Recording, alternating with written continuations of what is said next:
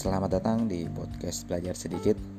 Episode kedua ini kita akan membahas mengenai materi kontrol sipil atas militer dalam berbagai lingkungan ancaman.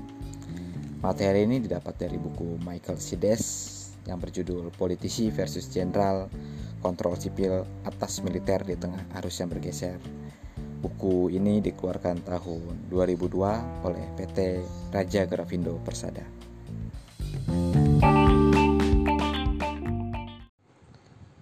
Samuel Huntington berpendapat bahwa semakin tinggi tingkat profesionalisasi militer, maka akan semakin baik hubungan sipil militernya. Sementara pendapatnya Michael Sides dalam buku ini bahwa perspektif organisasi saja tidak memadai sebab kekuatan kontrol sipil atas militer tidak bisa dipahami hanya dengan menguji variabel-variabel institusional militer. Maka perlu ditanya siapa yang bertanggung jawab atas struktur organisasi serta budaya profesional militer. Perang dingin telah menyebabkan perubahan dalam lingkungan internasional.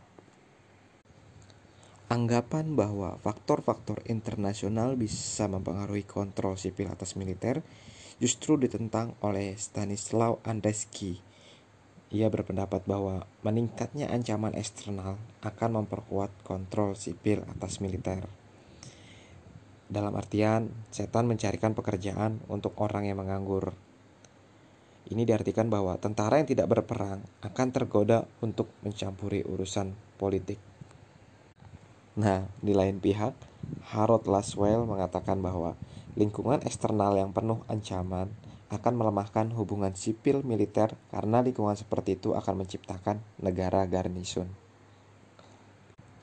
E, balik lagi nih ke pendapatnya Michael Sides. Jadi dia memiliki teori yang namanya teori struktural dengan anggapan bahwa kekuatan kontrol sipil atas militer di banyak negara secara fundamental dibentuk oleh faktor-faktor struktural khususnya ancaman yang mempengaruhi sosok pemimpin, organisasi militer, negara, dan masyarakat. Disclaimernya dari Michael Sides dalam teori ini bahwa menyebutkan teori ini tidak dapat memprediksi kudeta individual atau manifestasi ambruknya kontrol sipil atas militer. Jadi teori ini hanya dapat menyebutkan kondisi-kondisi umum yang membuat kontrol sipil bisa memburuk atau meningkat. Nah, struktur ini tidak menentukan hasilnya secara langsung. Ia beroperasi secara tak langsung melalui tiga mekanisme. Pertama, sosialisasi, kedua, emulasi, dan ketiga, kompetisi. Seperti apa yang dicatat oleh Kenneth Walsh, bahwa negara-negara ini tidak dipaksa oleh struktur internasional untuk mengadopsi pola perilaku tertentu. Tetapi, negara-negara itu melihat bahwa negara yang menyesuaikan perilakunya dengan struktur sistem internasional maka akan melangkah lebih baik dalam persaingannya dengan negara lain. Dan oleh karenanya mereka pelan-pelan juga akan melakukan hal yang sama. Pada umumnya, negara dengan pandangan yang mirip akan berperilaku dengan cara yang sama. Dan ini membuat kekhawatiran bagi Waltz. Dia memperingatkan bahwa seseorang harus mempertanyakan bagaimana dan sejauh mana struktur dunia ini bertanggung jawab atas akibat yang dihasilkannya. Karena dia telah meluas sehingga diadopsi oleh berbagai negara.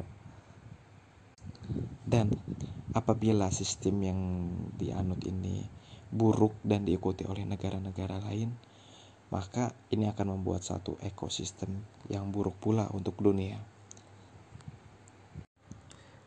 Dalam teori struktural Michael Sides terdapat variabel yakni variabel ancaman. Terdapat variabel ancaman eksternal atau internasional dan variabel ancaman internal atau domestik. Nah, dari variabel ancaman ini uh, bervariasi juga intensitasnya dari yang tinggi ke rendah. Dan variabel-variabel itu mempengaruhi tiga aktor utama domestik, yakni militer, pemerintahan sipil, dan seluruh masyarakat. Jadi, ancaman eksternal ini jelas memiliki pengaruh, terutama dia lebih memiliki ancaman terhadap seluruh negara, termasuk militer. Ancaman eksternal biasanya menyebabkan menguatnya kesatuan di dalam negara, dan ancaman eksternal membuat perhatian setiap orang terfokus keluar karena ancamannya itu dari luar sehingga militer itu tidak lagi fokus mengurusi hal-hal yang ada di domestik. Sementara untuk ancaman internal atau ancaman domestik ini lebih kompleks. Dia dapat memecah negara dan menyebabkan fokus perhatian semua orang mengarah ke dalam. Aspek paling penting dari ancaman domestik untuk teorinya Michael Sedis ini itu bagaimana ancaman itu mempengaruhi militer.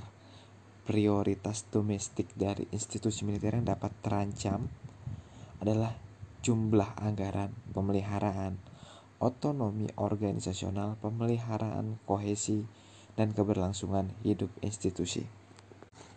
Jadi itu adalah poin yang ditilik dari segi kepentingan militer yang dapat mempengaruhi ancaman bagi militer. Dalam teori strukturalnya Michael Sides ini dijelaskan kontrol sipil atas militer ini dilihat dari beberapa intensitas ancaman. Nah, eh, apabila ancaman eksternalnya tinggi dan ancaman internalnya tinggi, maka intensitas hubungan keduanya antara sipil dan militer itu akan buruk. Begitu pula ketika ancaman eksternalnya rendah dan ancaman internalnya tinggi, keduanya hubungannya akan parah lebih buruk. Sementara apabila ancaman eksternalnya tinggi dan ancaman internalnya rendah, maka hubungannya akan baik. Dan apabila ancaman eksternalnya rendah dan ancaman internalnya juga rendah, maka akan memiliki hubungan yang jauh lebih baik. Nah, maka dari status yang baru saja saya tadi sebutkan, keadaan terparah dan terburuk itu ketika ancaman eksternalnya itu yang rendah sementara ancaman internalnya tinggi jadi apabila seperti itu maka sipil memiliki kontrol yang paling lemah. Nah, pemimpin sipil cenderung untuk memperhatikan persoalan keamanan nasional. Bisa dibilang kurang memperhatikan karena dia terpecah-pecah oleh suatu konflik yang ada dalam konflik internal dalam urusan domestiknya terhadap suatu singgungan atau uh, perdebatan yang cukup kuat sehingga ini di dianggap sebagai ancaman internal yang tinggi dan ini membuat suatu kontrol sipil yang menjadi yang sangat terburuk karena kekurangan kontrol terhadap militer dan keamanan nasional pun sehingga menjadi kurang diperhatikan.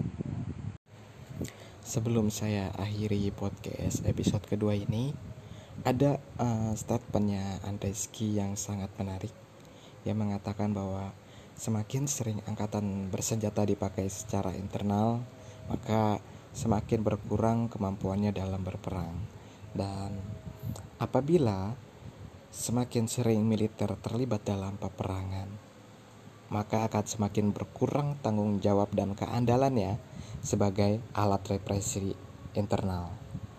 Maka ini menjadi cerminan bagi kita melihat bagaimana hubungan sipil dan militer di Indonesia untuk saat ini dan di masa yang akan datang. Terima kasih sudah mendengarkan podcast belajar sedikit. Semoga bermanfaat.